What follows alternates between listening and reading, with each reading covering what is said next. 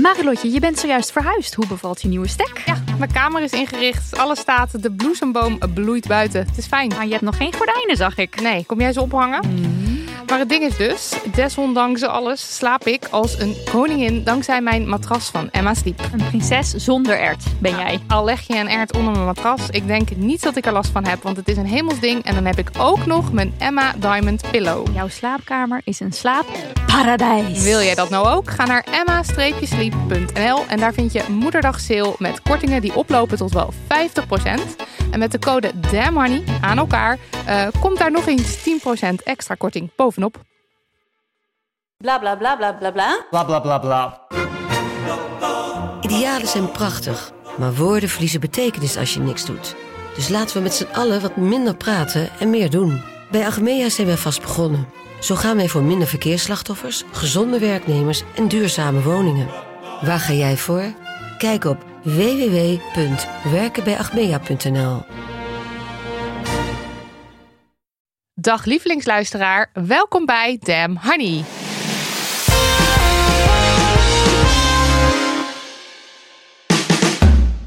Podcast over shit waar je als vrouw van deze tijd mee moet dealen. Mijn naam is Marilotte En ik ben Lydia. en dit is aflevering 156. En we gaan de feministische week door. Yes. Wat gebeurde er zoal? Van alles. Waren er dingen om van te janken? Nogal. Waren er dingen om een sprankje hoop van te krijgen? Dat bekrijgen. Twijfel ik. Krijken. Ja, ik betwijfel het ook. Maar eh, we gaan het zien. Jij hebt de yes, dus ik heb geen idee. Nee, ja. En ik heb geen idee van de no, maar kan me wel bedenken. Ja. Maar eerst leuk bericht. een leuk bericht. Leuke jingle en mensen. Ja, wij zijn zelf groot fan. Eh, eerst een, leuk bericht. En dat leuk bericht komt even van onszelf. Dit is een leuk bericht over onszelf. Oh ja? Ja, het gaat namelijk over onze theatertour. Wij zijn momenteel weer bezig met onze theatertour. Met de reprise. We zijn al een, een tijdje weer aan de gang. Ik vind het enig trouwens. Het hele theaterleven vind ik leuk. Vermoeiend, maar leuk. En eh, we spelen onze show zelf weten. Dat gaat over van alles. Over eh, het schoonheidsideaal. Over seksueel grensoverschrijdend gedrag. Over het taboe op menstrueren. Je kan er Seks, seks, seks, seks, seks. Gaat Mooi het ook gezegd. over? Oh ja, het gaat ook over seks inderdaad. Nou, hartstikke leuk allemaal. Ehm, een aantal shows zijn uitverkocht. Maar je, je kunt er nog bij zijn. Dus eh, hè, check die speellijst. Maar het leuke bericht is dat onze show in Tilburg eh, op 15 november is uitverkocht. En dat eh, Theater Tilburg zei... hey, maar weet je wat nou een leuk idee is? We doen gewoon nog een show. Dus we hebben nog een show in Tilburg op 16 november. Dus als je nou denkt in Tilburg, nou ik kon niet op 15 november of ik heb net achter het net gegrepen. Ga eventjes, ga eventjes naar theatertilburgs.nl en Ja, dan... Hè, Grijp dan- voor het net. Grijp voor het net. Grijp voor het net. Nidia greep haar tetten vast. Eh, en voor de rest van de speellijst kun je terecht op dammoney.nl slash theater. Ja, en daarna spelen we hem niet meer, hè? Nee, dan is het klaar. Dan gaat hij in de archiefkasten. En op zolder, achter slot en grendel. We spelen hem dan echt nooit meer. Maar dan mogen we wel eindelijk al onze props in het dagelijks leven gebruiken. Ja, daar heb ik zin in. Ik noem een opblaastrofijn. Ik Ik, noem mijn zilveren schoenen. noem mijn neongele schoenen. ja, daar ik- Brandweerhelm. Nou, daar gaan we echt, echt En dankbaar jouw gebruiken. vader die krijgt eindelijk zijn geliefde teddyberen weer terug. Ja, mijn ouders die hebben me vier, vijf teddyberen geleend. Vier. Vier? Eentjes van mij. Oh, zo. Daarom Ho, ho, ho, herkende ik die niet. Oké, vier teddyberen. En mijn vader die heeft me een paar keer op het hart gedrukt, teruggedrukt. Dat hij ze echt terug wil.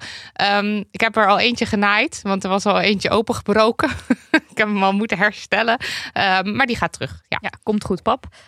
Eén klein ding nog wat ik leuk vond om te vertellen. Na Elst kwam Oh, er ja. iemand naar de directeur toe, een man. En die zei tegen haar: eh, Ja, dit ging helemaal niet over feminisme.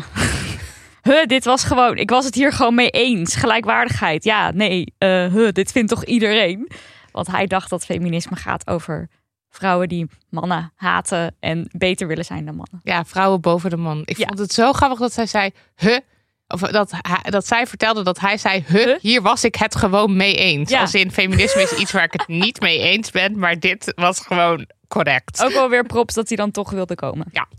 Oké, ik wilde nog even een brief voorlezen. Een reactie op de brief die we ehm, in de vorige aflevering voorlazen. Ja. Weet je nog waar het over ging? Ja, dat ging over eh, iemand die eh, van 24, die nog nooit een relatie had gehad, maar om haar heen, om ja, haar, hen, die heen waren allemaal mensen die eh, relaties hadden, samenwoonden, allemaal aan het hokken waren. En dat je dan denkt, hallo, sorry, maar ik herken me helemaal niet. Ja, en daar allemaal een beetje moeilijke gevoelens ook over hebben. Eh, daar kregen we dus een fijne reactie op. Daar komt die. Hoi, hoi. Bij de aflevering van 28 oktober kwam een brief met een zeer herkenbare situatie voor mij. Ik heb tot mijn 31ste namelijk geen romantische relatie gehad. Die relatie toen was heel fijn, maar doordat ik veel twijfelde en niet de dingen voelde die ik wilde voelen en het allemaal veel stress en paniek bij mij opleverde, heb ik dit beëindigd. Nou, dat lijkt me een goed idee in geval van veel stress en paniek. Een tijdje later kon ik aan mezelf toegeven dat ik aromantisch, arrow, aseksueel, ace en lesbisch ben. En ja, dat zijn inderdaad nogal wat labels, maar het geeft me nu zoveel rust en begrip.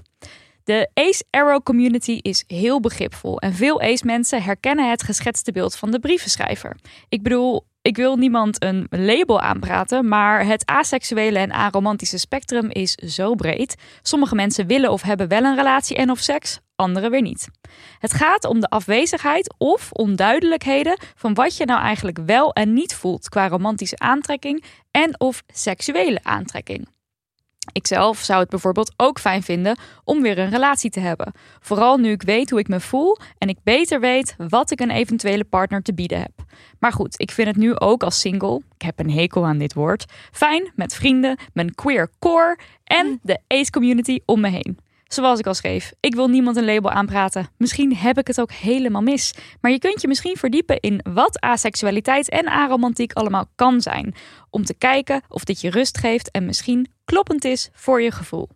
En als de brievenschrijver wil, dan wil ik graag in contact komen. Ace, arrow, questioning of niet, maakt allemaal niet uit. Zo leuk. Ja. En ik had hier nog helemaal niet bij stilgestaan dat dat ook zou kunnen. Ik ook niet. Niet over nagedacht. Nee, maar dat komt denk ik bij mij ook omdat ik bij dan ehm, bij aseksueel of aromantisch dan meer denk van je hebt het dan wel geprobeerd en dan dacht je Lukt van nee, het het, matcht niet. Maar ja, dat hoeft natuurlijk niet. Het feit dat het niet gebeurt zou ook al kunnen duiden op. Ik weet het gewoon niet, maar ik vond het heel fijn om eventjes deze Nou, het is gewoon weer een van point de of view te krijgen. Precies, het is een van de vele mogelijkheden en perspectieven die er zijn. Zal ik eh, de volgende brief voorlezen? Ja, want we kregen er nog geen af. Nog één. Hallo Nidia en Marilotte. Bij deze wil ik reageren op de brief van vorige week, omdat ik het gevoel van de briefschrijver zo herkenbaar vind. Ook ik kan me vaak verloren voelen in het gezelschap van mensen, vrienden, die allemaal relaties hebben. Ik ben zelf een cis-hetero man van 41 en ik heb weliswaar een relatie gehad, maar die heeft niet heel lang geduurd. Laat ik zeggen dat ik in die relatie niet altijd wist hoe ik een goede lover moest zijn. Terugkijkend is dat denk ik ook altijd wel een beetje het probleem geweest. Ik heb misschien wel nooit goed geweten hoe het nu echt moet, daten en relaties aangaan. Vroeger en ook nu nog een beetje zat ik toch eh, in mijn eigen wereld. En wat ik van de liefde wist, wist ik vooral van films, series en boeken. Hoe ik het in het echt moest doen, vond en vind ik moeilijk. Mijn enige seksuele ervaring, buiten die ene relatie om, heb ik dan ook opgedaan met sekswerkers. Voor mijzelf helpt het enigszins om te bedenken waar het aan zou kunnen liggen. Ik vermoed dat ik sowieso niet neurotypisch ben en dat dat het maken van connecties überhaupt moeilijk maakt. En ik vraag mezelf af of ik op dat andere spectrum, spectrum zit. Het spectrum van aseksualiteit. Daar is hij weer. Hoe dan ook, ik merk dat ik vaak heen en weer ga. De ene keer kan ik er prima mee leven dat ik er blijkbaar niet voor gemaakt ben. En dan leef ik gewoon mijn leven. Het andere moment mis ik wel echt die relatie in mijn leven en dan vooral de intimiteit. Ik zou willen dat ik de briefschrijver zou kunnen helpen met advies. Maar ik ben er voor mezelf dus ook nog mee aan het worstelen. Het lijkt me interessant om eens het gesprek aan te gaan. Trouwens, het advies om meer LHBTI-vriendschappen aan te gaan vind ik zeker interessant. Maar inderdaad, hoe ga je die vrienden vinden?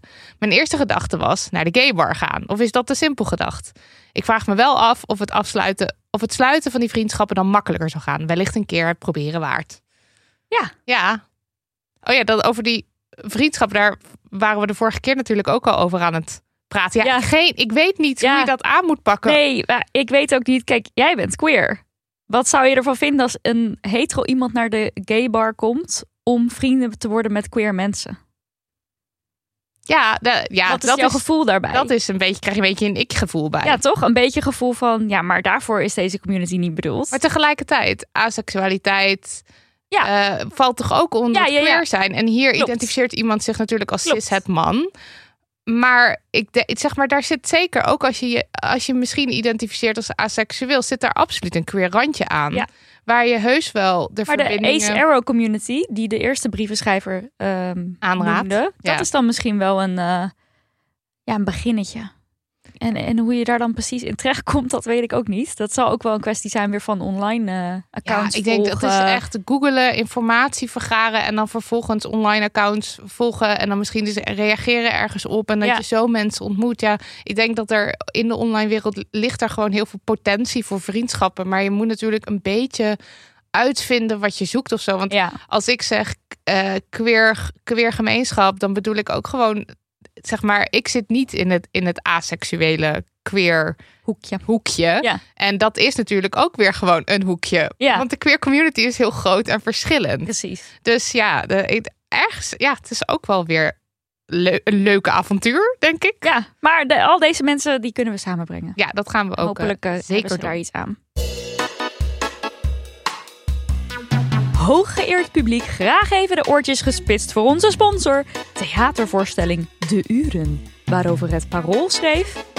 Laat geen mens onberoerd. Oftewel, ben jij een mens? Ga dat zien. Zal ik even uitleggen aan de mens waar het doe. dan over gaat? Doe het. Nou, De Uren is een theaterbewerking van het gelijknamige literaire meesterwerk. En overigens, het is ook een film, het is verfilmd, The Hours.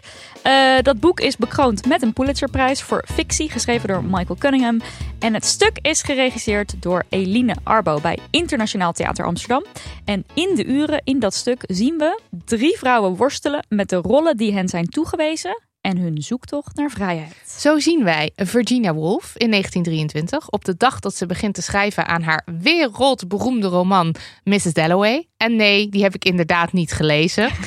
We ontmoeten Laura Brown, die in 1949 helemaal klaar is met het huisvrouwenbestaan. Ze denkt ook van, nou, is er iets mis met mij dat ik dit helemaal niet trek? Eh, en via het boek Mrs. Dalloway probeert ze enigszins aan dat leven te ontsnappen. En dan is er nog uitgever en socialite Clarissa Vaughn. En die treffen we in New York in de jaren 90. Nou, de Volkskrant, die schreef dan weer... Drie vrouwen zien we die, net als Mrs. Dalloway, het leven zonder enige terughoudendheid zouden willen aangaan, maar zich hierin toch gehinderd zien. Door de beperkende rol die de maatschappij hun oplegt, maar ook door hun eigen wankele psychische gesteldheid, die niet zelden het gevolg is van die rol. Ik heb zin. Ik ook, ik ben heel benieuwd, kijk er naar uit. En wanneer speelt de uren? Nou, van 2 tot en met 12 november bij Internationaal Theater Amsterdam. En je kunt nu kaarten kopen via ita.nl. ita.nl. En ik zag trouwens dat er matinees zijn. Ja, I love dat. Ja, in de middag. ik ja, weet dat het. wil ik sowieso. En eh, ja, wacht niet te lange mensen. ita.nl. Damn, honey, no. Damn, honey, no. Niet, niet you know. Niet you know. Niet you know. Nee, die- nee. No. Eh, ik ga het hebben over Gaza. Ja, Want de situatie is daar nog steeds verschrikkelijk. Twee weken geleden hebben we er een aflevering over gemaakt over Israël-Palestina. Luister die vooral als je op zoek bent naar meer context. En ook als je experts aan het woord wil horen. Want die kwamen toen aan het woord. Eh, want wat ik nu ga doen is meer een update geven van de situatie. En ik denk, zoals iedereen wel kan begrijpen, is dat niet een nee. gezellig onderwerp. Het is niet een licht onderwerp. Dus dit is ook maar meteen een content warning. Want ik ga het over verschrikkelijke dingen hebben. Ja. Eh, nou, de zware bombardementen op de dichtbevolkte Gazastrook die gaan onophoudelijk door. We hebben dat ook in de vorige aflevering uitgelegd. 2 miljoen mensen op een klein stuk grond. Twee keer de grootte van Texel, om het maar nog een keer te noemen. om het een beetje ehm, eh, een idee te geven van de mensen hoe groot het is. Heel veel minderjarigen, de helft ongeveer van de mensen die er woont. Ehm, en bijvoorbeeld deze week is er een vluchtelingenkamp zwaar getroffen door eh, ja, bo- bombardementen van Israël. Maar drie dagen op rij ook, hè? En ehm, ja, de verslaggevers en inwoners die spreken allemaal van een bloedbad Ja. daar. Ja, en ook de beelden daar die zijn ook Het is echt... ja, kan- een vluchtelingenkamp wat je Ja. bombardeert. Nou, de afgelopen weken, eh, drie weken, zijn er ehm, dus ook heel veel kinderen dood gegaan. Dus ja, vermoord in Gaza. Eh, en ehm, Save the Children, dat is een, eh, een NGO, die ehm, bracht naar buiten dat er dus in de afgelopen drie weken meer kinderen in Gaza dood zijn gegaan dan dat er wereldwijd kinderen zijn omgekomen in conflict situaties in de afgelopen vier jaar. Ja, dat is toch schokkend. Ja, eh, elke dag worden er ja, drie klaslokalen vol met kinderen vermoord. Als je het even visueel wil maken. Ehm, en ja, dit, het zijn getallen. Maar toch denk ik, goed om die. Zeg maar, het, gaat, het moet niet gaan om getallen. Het moet niet gaan om zoveel duizend. Oh, dat is eh, zoveel duizend minder of meer, minder erg meer. Dat, dat is niet hoe ik het bedoel. Maar wel even om, om het even heel ja, inzichtelijk te maken over wat voor een enorme ramp we spreken. Of nou, ramp, dat klinkt weer alsof het dan een soort van gebeurt allemaal toevallig. Dat is het natuurlijk niet. Nee, maar wat voor, wat voor walgelijkheden daar aan de gang Ja. zijn. Eh, hoeveel slachtoffers er worden gemaakt. Maar dit soort dingen helpen mij ook om het, zeg maar, concreet te maken. Van wat er nou Van wat er nou, hoe is. en wat de omvang daarvan is. Precies, ja. Nou, die cijfers die worden over dus hoeveel doden er zijn, die worden naar buiten gebracht door het ministerie van Volksgezondheid van Gaza. Nou, mensen die trekken die cijfers in twijfel, waaronder eh, president Biden van de VS.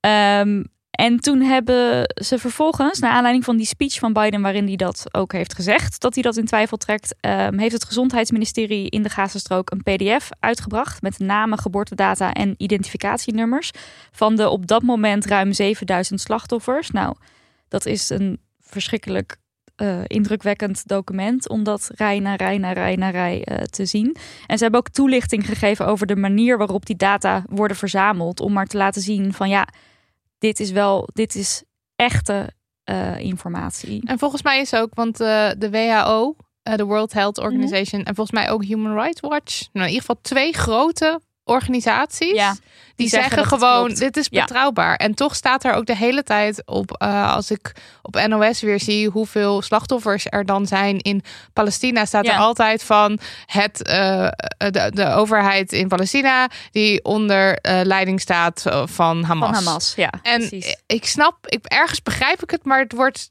zeg maar de hele tijd in twijfel getrokken. De hele tijd is het ja, Ja. maar dit zijn de cijfers van Hamas. Maar waarom? Dit zijn, je ziet toch gewoon fucking wat er gebeurt. Nou, er zijn ook wel nu echt artikelen verschenen, ook op Nederlandse nieuwsmedia, waarin wel echt staat dat de experts de cijfers betrouwbaar Ja. noemen. Want daar heb ik deze informatie ook uit. Overigens, alles wat ik hier vertel, alle bronnen, die vind je natuurlijk gewoon weer in de show notes. Ehm, en eh, experts die zeggen bijvoorbeeld ook dat als je naar het verleden kijkt, waarin er zijn natuurlijk al heel veel afschuwelijke dingen gebeurd in Gaza, waarbij doden zijn doorge- het aantal doden is doorgegeven aan media. En nu met terugwerkende kracht kan je dus zeggen dat dat eigenlijk heel vaak gewoon klopt. ja. Dus ook aan de hand daarvan kan je zeggen, het is meestal accuraat en dus vertrouwen we de cijfers nu ook. Ehm, ja, en eh, ja, plus 7000. Nou, volgens mij is het ondertussen alweer plus Hij zit op 8000. 9000 hoor. 9000 alweer. Nou, dat zijn dus allemaal mensen. En om nog maar een keer te zeggen, dat zijn allemaal mensen, families, vrienden, werk, hobby's. En dat moeten we dus niet vergeten, omdat het dus net over die getallen gaat. Maar het gaat niet over getallen. Het zijn mensen. Nou, verder kwamen er gelekte beleidsstukken van het Israëlisch ministerie in handen van de media. En in die stukken wordt aangestuurd op de etnische zuivering van de Gaza-strook. Eh, het is een voorstel voor de massale en gedwongen uitzetting van alle Palestijnse burgers vanuit Gaza. Die zouden dan naar de Sinaï-woestijn in Egypte ehm, moeten gaan. Dus het is ja gewoon echt het, het, het opruimen van mensen ja, het wegdrijven van mensen. wegdrijven van mensen. Eh, genocide. En eh, dat document dat is ook door de Israëlische ehm, regering is dat ook erkend dat dat een echt document is. Dat is niet dat ze daar omheen draaien of zo. Wel zeggen ze dat het hypothetisch is en eh, het zou ook gaan om een relatief klein ministerie met weinig invloed. Maar ondertussen eh, spreekt de Israëlische minister van Defensie van menselijke dieren, waartegen zijn leger vecht. En eh, de premier eh, Netanyahu die heeft een spreuk uit de Joodse Tenach aangehaald, eh, waarin God de Isra- Israëlieten oproept in een oorlog tussen goed en kwaad. En dat er niemand, dat er niemand in gespaard moet worden. En dat soort termen en woorden, dat geeft eigenlijk al genoeg weg van eh, in hoeverre je dat moet zien als iets hypothetisch, Ja. dat document. Eh, en ook, dat is ook helemaal verder niks nieuws, dit, dit sentiment of dit gedachtegoed. Want ehm, eh, kort na de Zesdaagse Oorlog, dat was dus in 1967, heeft Israël ook al Palestijnen massaal, echt honderden duizend Palestijnen massaal, ja, opgeroepen of aangemoedigd om te vertrekken uit Gaza. En ehm, de Egyptische president Mubarak die heeft verteld dat in 2010 hij een voorstel kreeg van eh Netanyahu om ehm, een stuk van de Sinaï op te geven voor de opvang van Palestijnen. Dus om een strook land eh, aan de zuidwest van Israël te krijgen. Eh, en dan konden daar al die mensen daarheen. Wacht, Netanyahu heeft voorgesteld aan de Egyptische president om la- land te ruilen. Om een stuk land eh, op te geven van de Sinaï voor de Palestijnen. Om een strook land aan de zuidwestkant van Israël te krijgen. Zei ik het verkeerd of niet? Nee, nee, nee. Ik was Ja. gewoon heel eventjes aan het, aan het visualiseren. Dus dan dat de Pal- Ja, Palestijnen dus zeg maar dat daar... idee van die Sinaï-woestijn en dat daar dan Palestijnen heen kunnen. Dat is dus in Dat leeft. 2010, al dus Mubarak, toen de Egyptische president, Ja, is dat dus al een keer genoemd. Dus dat het dan nu in zo'n document is helemaal niet raar dat het daar staat. Want het is blijkbaar een idee wat Ja. gewoon al lang leeft. En dan hebben we natuurlijk nog het voortdurende geweld wat we zien en alle eh, eh, burgerslachtoffers die we. Nou ja, goed. Dus het, het is in mijn ogen vrij duidelijk wat daar gebeurt. Eh, nou, ik volg een aantal journalisten die in Gaza wonen. En een daarvan is Hind Goudari. En zij maakt reportages en eh, ze tweet en ze zit ook op Instagram. En ze doet het allemaal in het Engels. Eh, wat dus heel eh, ja, fijn is voor iemand die wel Engels eh, begrijpt. Dus als je, als je iemand wil volgen die daar echt zit, dan zou je haar bijvoorbeeld kunnen volgen. En ik wilde jullie dan eventjes kort iets vertellen over wat je dan vooral ziet of, zo, of, of leest als je dan haar tweets volgt of als je haar op Instagram volgt. Nou, ontzettend veel angst natuurlijk. Ehm, veel momenten waarop ze geen vrienden of familieleden kon bereiken vanwege communicatiemogelijkheden die gewoon worden afgesneden. Dus internet en telefoon, dat doet het dan niet meer. Nee. En dan zie je dat mensen een eSIM gebruiken en dan kunnen ze gelukkig wel het internet gebruiken. Maar ik vind dat afsnijden van ook zoiets engs. Zo van, ja, dan kijkt de buitenwereld niet mee. En wat gebeurt er dan op Ja. het moment dat mensen dus niet meer kunnen communiceren naar de buitenwereld wat er gebeurt? Ik zeg maar, de hele, de hele toestand is al vreselijk. Maar eh, op het moment dat die eerste blackout was, Ja, dacht was ik ook echt, wat de fuck Ja. is hier nu gaande? Precies. Wat En zijn ze aan het doen? bommenregen ondertussen Ja. natuurlijk. Of natuurlijk, dat is gewoon de hele tijd nu gaande. En dan kunnen ze dus niet met elkaar ook communiceren. Nee. En die Dus- e-sims, dat vind ik dus op zich wel mooi om te zien, is dat daar online wordt mensen opgeroepen om e-sims te kopen en dus te doneren. En dan in de hoop dat dan dat je één iemand eh, te pakken weet te krijgen die dus wel internet heeft, die het dan weer door kan geven, zo'n e-sim aan allemaal andere mensen, zodat zoveel mogelijk mensen wel toegang tot het internet hebben. En niet alleen journalisten, maar gewoon Ja, dat is echt mensen vet. Dat zie, je- daar. zie je via eh, Twitter vaak Ja. eh, langskomen. Ja. Dat, hoe, hoe dat dan moet en hoe je dat kan doen. En ja. ja. Dat doet me ergens dan goed. Nou, dus heel veel bommen, waardoor ze ook nauwelijks kan slapen. Ze, ze, ze tweet op een gegeven moment ook van laat alsjeblieft die bommen nou tijdelijk stoppen, want ik moet gewoon slapen. ja. En dat zijn toch dingen waar ik, waar ik me niet genoeg bewust van was, hoe dat moet zijn. Ja, daar kan je natuurlijk ook nooit bewust van zijn hoe dat is om in die situatie te zitten. Maar, Maar dat je dus kijk, ook gewoon dagen niet slaapt. Ja, maar het, het, het leven is gewoon stopgezet Ja, daar. Want ja. het enige wat je doet, denk ik, de hele dag is overleven. En in het geval van de mensen die dan een Instagram-account hebben eh, en pers zijn, zeg Ja. maar, is het dus ook verslag uitbrengen en Ja. proberen zo goed mogelijk te laten weten hoe het leven is. Maar Ja, dit en is het Ze gewoon. schreef ook wel dat ze gewoon ook niet meer weten waar ze heen moeten. Want het is nergens veilig. Ze kunnen nergens heen. En het is een, ja, wat, wat wil je van mijn situatie? Weet Ja. je wel? Ik kan niet daarheen, ik kan niet daarheen. Het is allemaal gevaarlijk. Eh, en ze, schrij- ze schrijft ook op een gegeven moment dat ze maar gestopt is met het tellen van alle inslagen. Want het is gewoon, het gaat de hele nacht om de minuut ongeveer gaat het door. Ze schrijft dat er weinig eten is, dat ze dagenlang geen gebruik kan maken van een toilet. eh, of dat ze bijvoorbeeld een dag lang eh, het Ja. tot haar missie maakt om een douche te kunnen nemen. Dus een douche vinden en een douche nemen. En ze deelt ook het verlies van een goede vriend, die dus een paar maanden geleden nog afstudeerde. Foto's. Gewoon, ja, gewoon Ja. een jongen die zijn leven leefde en, En die hij is dus nu dood. is vermoord. Ja. Ja. Het is heel heftig. Maar eh, een tweet die ze onlangs plaatste, wilde ik er ook nog even uitlaten, eh, uitlichten. Ehm, waarin ze namelijk schreef dat ze met haar eigen ogen kon zien dat Gaza door Israël werd aangevallen met witte fosforgranaten. En Human Rights Watch die heeft Israël daar al eerder van beschuldigd. Ze er zijn ook video's van. ja, ze zouden het gebruik van die ehm eh fosfor-rookgranaten, witte fosfor-rookgranaten hebben vastgesteld op basis van geverifieerde video's op social media en ooggetuigen. En ook Amnesty International die heeft bewijsmateriaal onderzocht en geconcludeerd dat Israël witte fosfor gebruikte tijdens een aanval op de dichtbevolkte grensstad Daira. En dat is dan Zuid-Libanon. Maar dit is allemaal in de afgelopen weken gebeurd. En witte fosfor is, als je het dus als wapen gebruikt, strikt verboden onder het oorlogsrecht. Het is namelijk een afschuwelijk middel. Ik ga er kort iets over vertellen. Dus als je het niet wil horen, dan moet je nu even vooruit skippen. Doe even je koptelefoon af. Het is ook weer niet dat ik het tot in de mega details, maar het is wel heel naar. Dus dan weet je dat. Het is namelijk een poeder dat ontbrandt op een temperatuur boven de 800 graden wanneer het in aanraking komt met zuurstof. En ze gebruiken het dus normaal gesproken om bijvoorbeeld een rookgordijn mee op te trekken of een doel te markeren. En dat is ook toegestaan, dat mag. Maar je mag het absoluut niet gebruiken op mensen, omdat het de huid en het vlees wegbrandt als het over mensen heen wordt gestrooid. En je kan het dus niet blussen met water.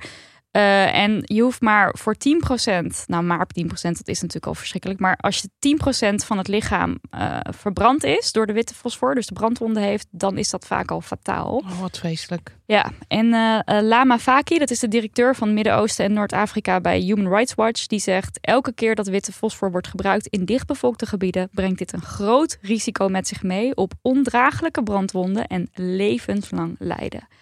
Ja, dit is ook echt van een niveau of van een, van een dit is, nou ja. Ja. Ja, I don't know, nou ja. Dan komen we bij de stemming bij de VN. Vorige week vrijdag werd er door de, de VN-landen gestemd over een resolutie. En die resolutie die roept op tot het onmiddellijk en duurzaam staken van de gevechtshandelingen tussen Israël en Hamas om zo een humanitair bestand mogelijk te maken.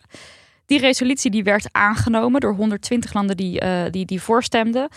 Uh, maar Nederland die hoorde bij de groep landen die zich dus heeft onthouden van stemming. En dat is echt iets Sorry, waar maar ik me echt. kapot voor schaam. Walgelijk. Hoe durven ze kan zoiets? Ja. Want ook, ook onze politici die hun mond vol hebben over, de, over die zelfverdediging, zeggen ook de hele tijd: dit, dit moet stoppen. En eh, we hebben een humanitaire. De, de, eh, ehm, hoe noem je dat? We, we hebben, we moeten Een hebben een, humanitair bestand. ja, we hebben een staakt het vuren nodig. Ja, En dan Maar vervolgens ga je daar.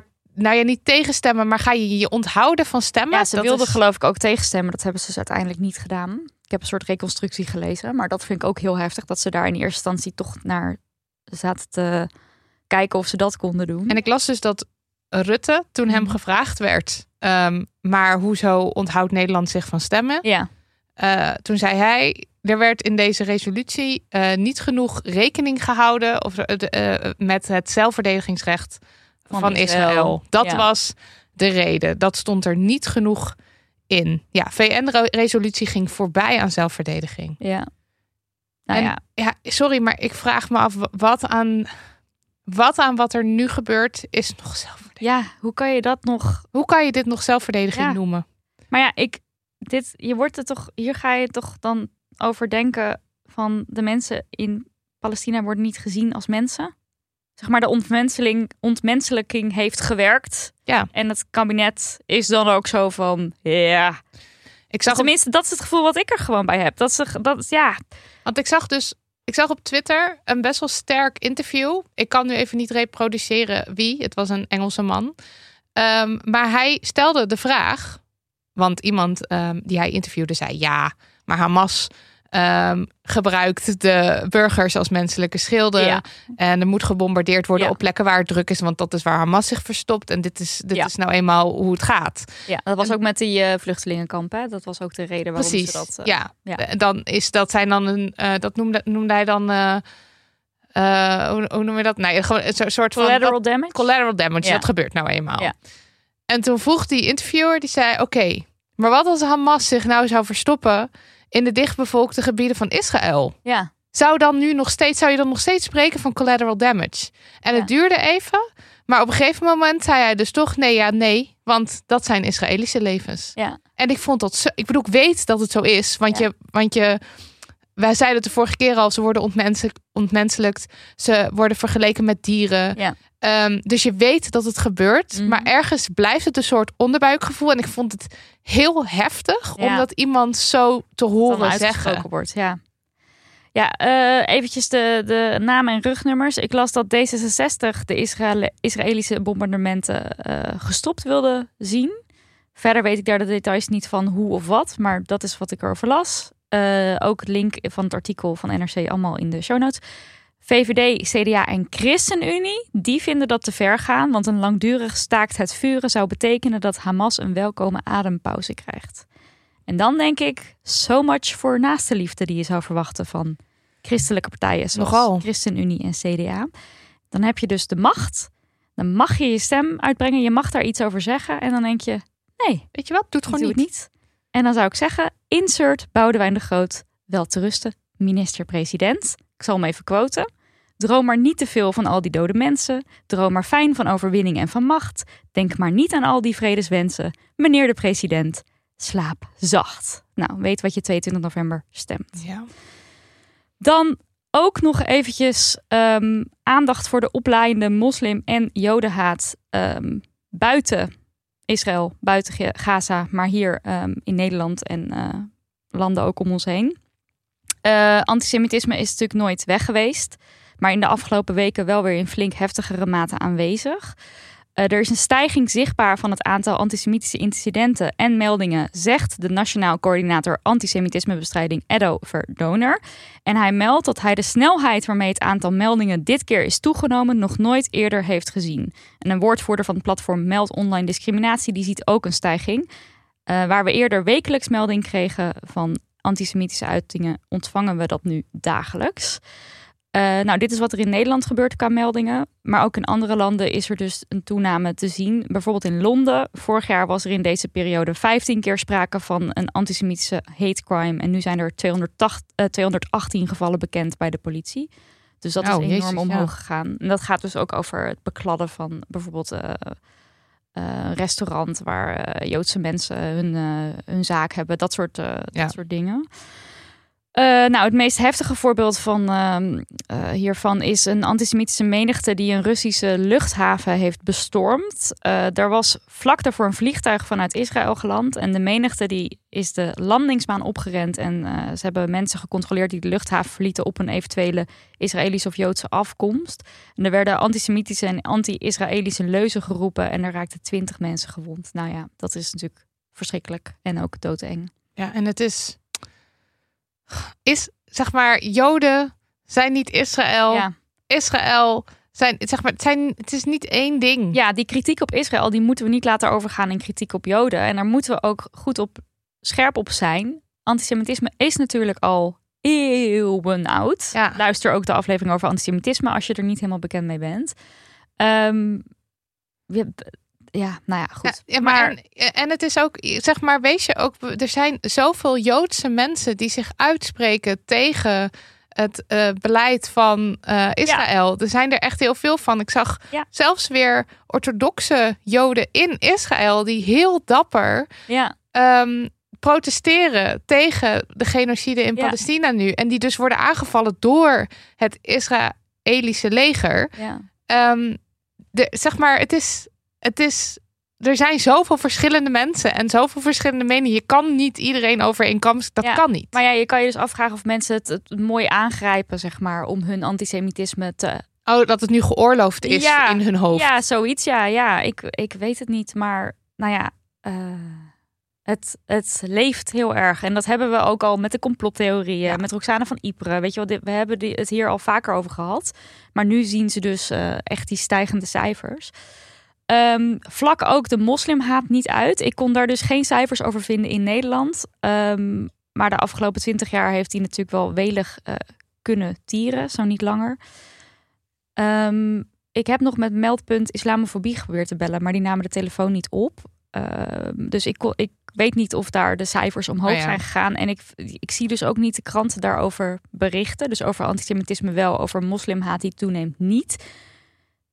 Ik kan me haast niet voorstellen dat het niet zo is. Ja, mijn gevoel zegt me dat dat wel zeker aan de Ja, hand het- is. het- maar Sowieso het anti-migratiesentiment leeft natuurlijk enorm in Nederland. Dat zie je ook aan alle partijprogramma's die daar eh, lekker op proberen te cashen.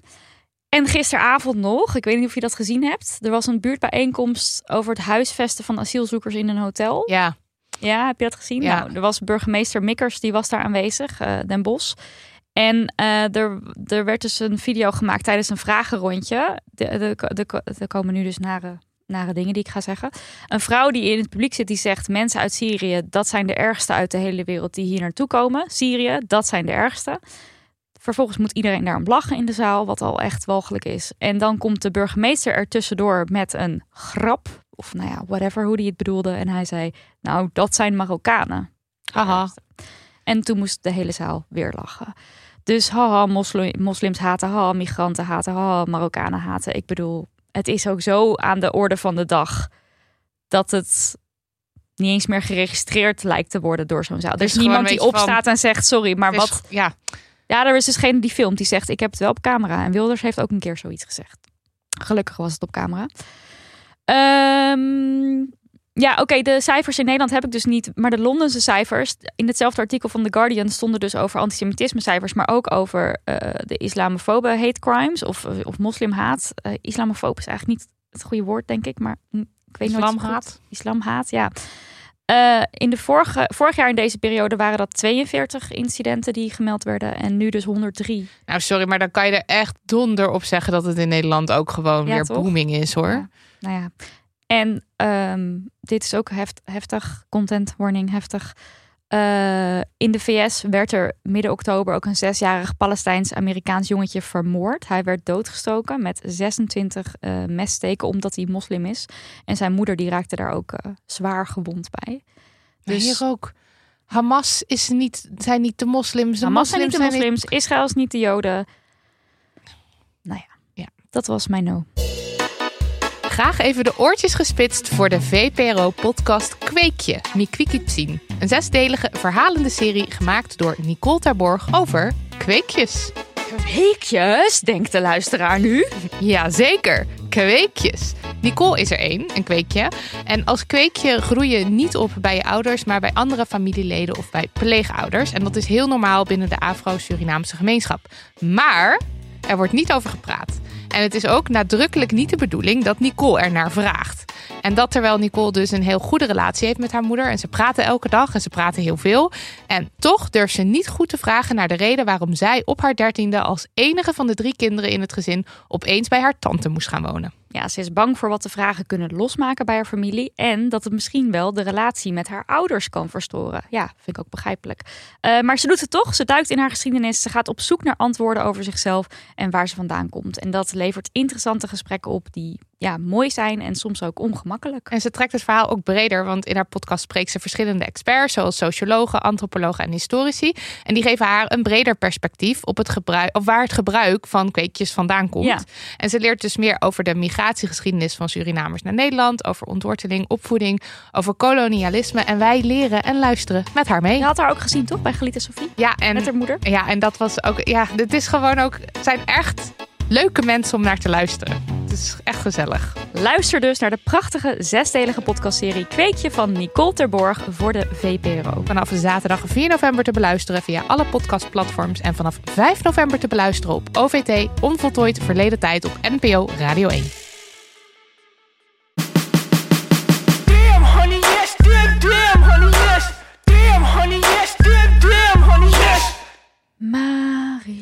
Damn, Ik ben moe. Ik ook. Heb jij iets om ons hoop te geven? Om ons Nee. op te vrolijken? Nee, Nee, jawel. eind. Einde Ik, van eh, tenminste, ik heb één tip. Ehm, maar ik vond het heel lastig om, eh, door de, de- om, om iets positiefs te vinden. Ehm, maar ik denk dat deze tip wel een soort prettig is als je door de bomen het bos niet meer ziet wat betreft verkiezingen ook. En als je gewoon meer wil weten over het grote onderwerp migratie, waar de mensen dus, eh, waar de politieke partijen mee aan de haal gaan natuurlijk. Eh, over alle eh, stereotype beelden die er bestaan over asielzoekers. Ehm, en deze tip is een podcasttip. De podcast heet City Rights Radio. En eh, ik ga er uiteraard een linkje eh, van in de show notes zetten. En in deze podcast komen ehm, ja, asielzoekers, statushouders, ongedocumenteerden zelf aan het woord. Het is ook een groep ongedocumenteerden eh, uit Amsterdam die is gaan praten. Gewoon achter een microfoon is gaan zitten en gaan praten. De eerste aflevering komt daar al uit eh, 2021. En daarin is de host, Mohamed, ehm, aan het woord. En hij vertelt, dit is nog in een tijd dat hij ongedocumenteerd was. Inmiddels is hij dat niet meer. Hij heeft ook het stokje weer overgegeven aan, eh, aan andere mensen. Ehm, en hij vertelt, het begint over zijn ervaring met een treinreis en een fiets. En eh, hij vertelt over dat hij daar zit in die trein met zijn fiets. En dat hij bang is dat er controle komt, want hij heeft geen fietskaartje. Oh ja, en dat ja. komt niet omdat hij niet wil betalen, maar dat komt omdat hij geen bankrekening heeft. Ja. En hij kan gewoon, hij kan gewoon letterlijk geen kaartje kopen. Hij Ja. is niet in staat om een kaartje te kopen, want als ongedocumenteerd mens mag je geen bankrekening Mhm. en kan je dus ook geen kaartje kopen. Nou, ehm, hier zijn veel meer verhalen over. Je hoort dus. ehm, als je als asielzoeker, ongedocumenteerde staatshouder, als je ehm, in Nederland leeft, hoe dat dan gaat. En het is een grote groep. Hè. Qua ongedocumenteerde hebben we het echt over 23.000 tot 58.000 mensen. Mhm. Dat is de schatting. Mhm. Best wel brede schatting ook. En dan hebben ze het over eh, etnisch profileren, de angst om gepakt te worden als je, weet ik veel, per ongeluk een keertje te hard rijdt of zo. Weet je wel, gewoon dat je daar de- de stress die dat oplevert, eh, je minder mens voelen. En het zijn allemaal, nou ja, als ik het zo vertel, het zijn natuurlijk best zware onderwerpen, maar het is heel goed om het te horen vanuit Ja, het eigen perspectief. Het eigen het perspectief. natuurlijk altijd over. En Precies. niet met. En eh, niet over ons zonder ons. En Ja. dit is gewoon een heel goed voorbeeld van, eh, nou, met ons. En ik kwam dit op een spoor door een, eh, nou ja, vrij fantastisch, concreet, fijn drieluik van One World. Altijd one word. Ja, precies. Het eerste deel van dat drieluik staat nu online. De rest komt nog. En deel 1 gaat over werken als asielzoeker. En bestaat uit een artikel en een podcast. Dit is dat City Rights Radio. Ehm, en dat gaat dus over migratie. Wat zeggen de politieke partijen over migratie? En ook ehm, de dingen die ze zeggen, kloppen die wel? Mhm.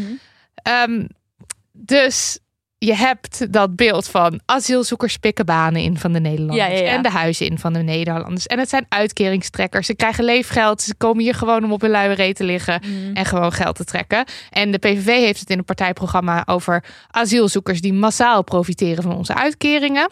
Nou, dat is een wijdverbreid stereotype eh, dat asielzoekers niet willen werken. En dat klopt niet. De echte, echte cijfers zijn als volgt. In eh 2022 is een onderzoek gedaan en toen had 45% van de asielzoekers die in 2014 een ver- verblijfsvergunning kreeg, Ja. een baan. En 55% ontvangt inderdaad een uitkering. Dat is een relatief groot deel, maar het aantal statushouders met een baan is flink aan het toenemen. Dus Oh ja. is sowieso niet zo dat niemand een baan heeft. En het is al helemaal niet zo dat mensen niet willen werken. Nee, want dat is... eh, eh, ja. Ja, precies. verder. Ja, want dat is gewoon niet zo. De, uh, ook als je eh, in, naar de podcast luistert, er zijn eh, vier mensen aan het woord. Twee daarvan zijn eh, ervaringsdeskundigen en nu op dit moment. Dan eh, dus mensen die asielzoeker zijn of die nog niet een verblijfsvergunning hebben. En het enige wat zij zeggen en wat, wat zij ook zeggen dat ze alleen maar horen van andere mensen is... We willen Ja, ik werken. wil heel graag, maar We het willen- lukt- ik kan niet. Het Ja. mag niet, ja. We willen heel erg graag werken. We willen onderdeel zijn van de maatschappij. Het is beter voor mijn mentale gezondheid. Ehm, ik wil mijn eigen geld verdienen. De- gewoon, ik wil een leven opbouwen Ja. hier. En in feite, kijk, als je als asiel- asielzoeker hier aankomt, dan ga je eh, eerst de malle molen in of je een verblijfsvergunning krijgt of niet. Ja. Ehm, dat moet binnen 15 maanden besloten worden, maar die termijn wordt vaker niet dan wel gehaald. En voor asielzoekers van wie de pro- procedure nog loopt, daarvoor gelden dus strenge eisen en beperkingen eh, wat betreft werk. Ja. Want je mag bijvoorbeeld maar 24 eh, weken per jaar werken. Ja. Eh, en dat mag pas nadat je aanvraag al zes maanden in behandeling is. Dus je komt binnen, je mag zes maanden verplicht niks doen en daarna mag je 24 weken per jaar werken. Ja. Niet erg aantrekkelijk voor werkgevers, dat je maar 24 Tuurlijk, weken ja. mag blijven. En eh, Maarten Panhuis, oprichter van eh, Refugee Connect, Mhm. Ehm, en die, dat is een organisatie die koppelen asielzoekers aan werkgevers. En Ja. hij zegt, nou, werkgevers die zijn gewoon best wel geïnteresseerd in zijn opleiden, in ze opleiden, in investeren in mensen. Maar ja, als ze maar 24 weken mogen blijven, Ja. why? Dan ga je dat natuurlijk niet doen. Ja. En het idee achter die 24 weken is dat, eh, volgens mij mag je na 26 weken mag je aanspraak maken op uitkeringen. Ja. Dus dan willen ze voorkomen dat Oh, mensen dat doen. Dat is dan de reden. Ja. Maar dat slaat nergens op, want als ehm eh, asielzoeker, als mens zonder verblijfsvergunning, ja. maak je hem, heb je helemaal geen recht daarop. Dus het klopt niet. Ja, oké.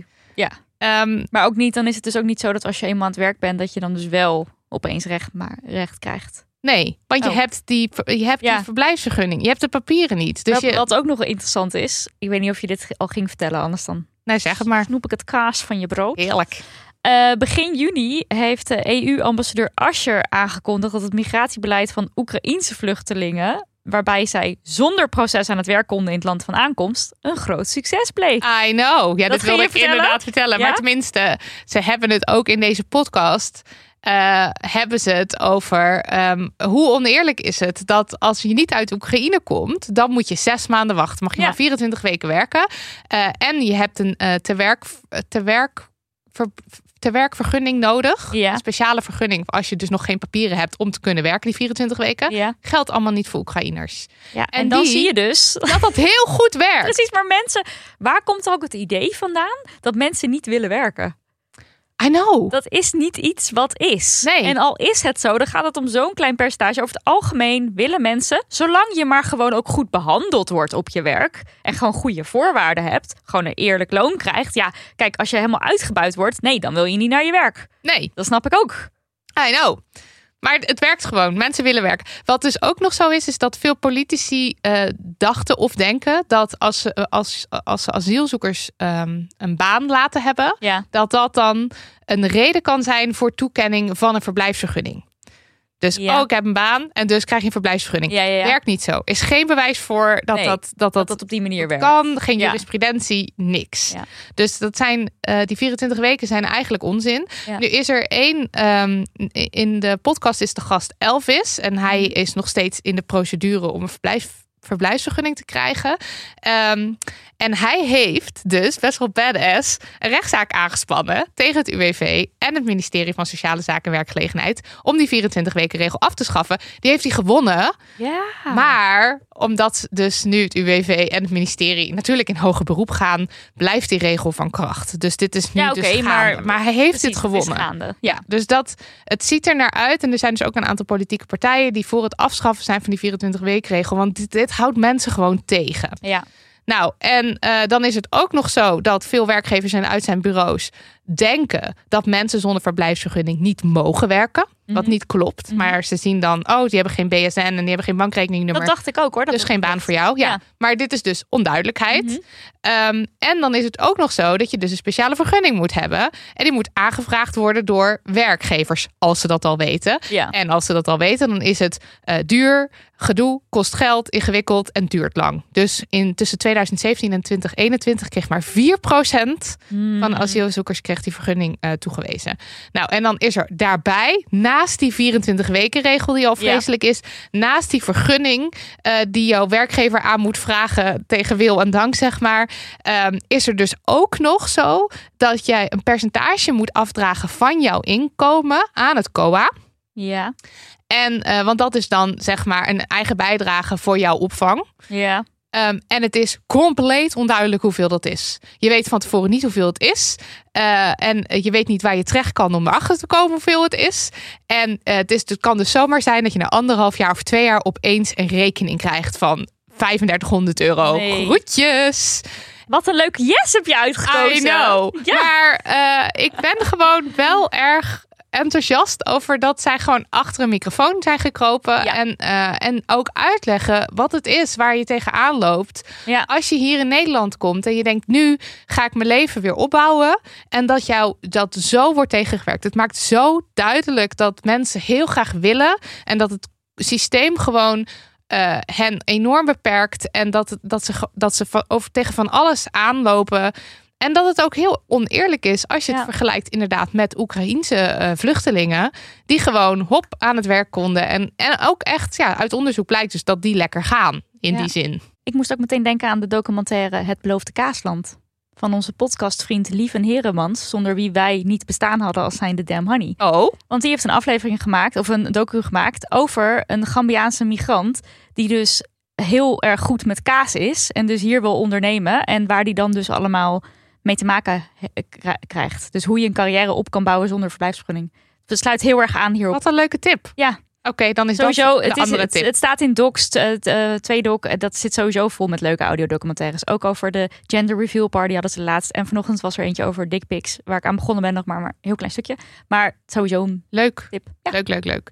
Ehm eventjes. Nou. Even terug naar de politieke partijen. Want dit vind ik toch wel even interessant. De vier- 24 weken eis afschaffen. Daar zijn voor CU, D66 en GroenLinks en de PvdA. Ja. Maar VVD, die vindt dat het moet blijven. Want anders dan blijven ze allemaal hangen, hè? Natuurlijk, al die asielzoekers. Ja, dus weet waar je op stemt, hè? Nog maar een keertje. Ja.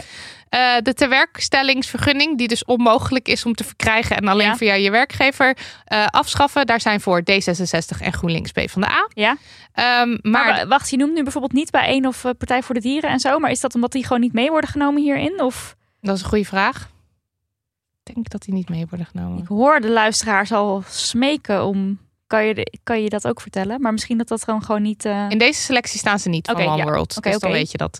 Ehm, en de regeling eigen bijdrage. Dus dat je geen idee hebt wat je aan het COA moet Ja. af. En dat het ook zomaar je complete salaris kan zijn. Ja. Ehm, dat wil niemand afschaffen. Alleen D66 die vindt wel dat ze misschien een beetje een wat Duidelijk. groter deel over mogen houden. Maar verder wil dus niemand. Wauw. En in de podcast komt dus zelfs iemand aan het woord die zegt: Ik ben helemaal niet in de AZC's geweest. Als En in, toch moet je het en toch moet je dat afdragen. Dat zijn toch rare regelingen? Ja. Ja. Nou, en dan is er dus wel ehm, te- op het moment dat je dus wel je papieren hebt, dan zitten alle partijen van ja, nee, dan moet je inderdaad snel aan het werk en dan moet het allemaal gefaciliteerd worden en dat is top. Maar je hebt er helemaal niks aan als je mensen, laten we zeggen, de pak een beter de eerste twee, drie jaar gewoon laat bungelen. Nee, dan, dat is ook juist het moment waarop je dus eh, ja, eh, echt onderdeel kan worden van Nederland. Ja, Als je- ja, wa- wat moet je doen als je niet mag werken? Know. En je, je, je raakt al vet ver verwijderd van de, eh, van de, van de werkmarkt, je ja, de precies. arbeidsmarkt. Ja, want je, je, je, je mag niet, je kan niet, het lukt niet. En het is ook, zeg maar, op het moment dat je je verblijfsvergunning krijgt, word je geacht ook te integreren, de taal te leren. Eh, dan mag je pas gaan studeren en zo. Ja. Dus dan krijg je het echt teringdruk. En dan kan je dus eh, die drie jaar of zo, en misschien is het wel langer, dat weet ik niet. Maar laten we zeggen, de eerste drie jaar, zo kan je dus niks. Ja. Terwijl je dat ook gewoon heel goed had kunnen gebruiken om te werken en een beetje een leven op te bouwen en alvast te integreren. En ook gewoon je talenten te gebruiken. Hè? Hou toch op. Nou, eh, ik zou zeggen, ik, eh, deze hele situatie is een no, maar het artikel is een Ja. yes, de podcast is een yes. En het is gewoon echt heel fijn om een beetje houvast te krijgen in eh, wat zeggen politieke partijen nou? Ja, Want ze spelen sowieso. zo in op onze onderbuikgevoelens ook. ja, en daar moeten we niet in. En daar, moet, daar moeten we niet intrappen en daar moet ik ook niet. helemaal niks van hebben. Dus, en er komt dus nog meer echt een, nou, ik vind het een goudmijn aan informatie. Sowieso One World. Neem toch allemaal een abonnement. Hey. Wat doe je hier nog? Ga Ja. One World lezen. Nou, eerst even ons afluisteren Oh, en oké. dan One Ja. World gaan lezen. Ja. Ehm, goed, dan moet ik afkondigen, geloof ik. Kan je doen. Je kan het ook laten, dan kunnen we gewoon de hele tijd zo door. Ja, eh, nou, dit was aflevering 156. De show notes, die vind je. De veelbesproken show notes, die vind je op damnhoney.nl slash aflevering streepje 156. En in de ho- hoop van de week, ik ben gewoon klaar. Ik ben klaar. In de loop van de week verschijnt daar ook het transcript. Heel goed. Goed zin afgemaakt, goed Ja. gearticuleerd. Daniel van de Poppen, Lucas de Gier, Lisbeth Smit. Wie zijn wij zonder jullie? Het antwoord is niemand. Bedankt lieve transcripters die het typewerk van deze aflevering op zich nemen. Marleen, Marlou, Marloes, Elise, FQ, Shura, Barbara, Joan, Fenna, Sabine, Meike, Dirk, Laura, Lisanne, Rivka, Sabine en Hanna. En wij kletsen nog even door, toch? Ook Ja. al kan jij niet meer praten, dat maakt mij helemaal niks We uit. zien wel wat er gebeurt. In onze bonuspodcast Je doet het er maar mee. En die kun je luisteren als je ons vanaf 1 euro per maand steunt op petjeaf.com slash damnhoney. Tune in op petjeaf.com slash damnhoney. Of niet. Nou, Ja, hè, zelf weten. joh. Wat ook de naam is van onze theatervoorstelling. Heel goed er Ja. even ingesneakt. Mensen, Kom Damhoney.nl slash theater. kom. Kussens, bedden, matrassen, beddengoed. Emma Sleep heeft het allemaal. Ga naar emma-sleep.nl om van jouw slaapkamer een slaapparadijs te maken. Er is nu moederdag sale gaande met kortingen die oplopen tot wel 50%. Gebruik de code DAMHONEY voor nog eens 10% korting daarbovenop.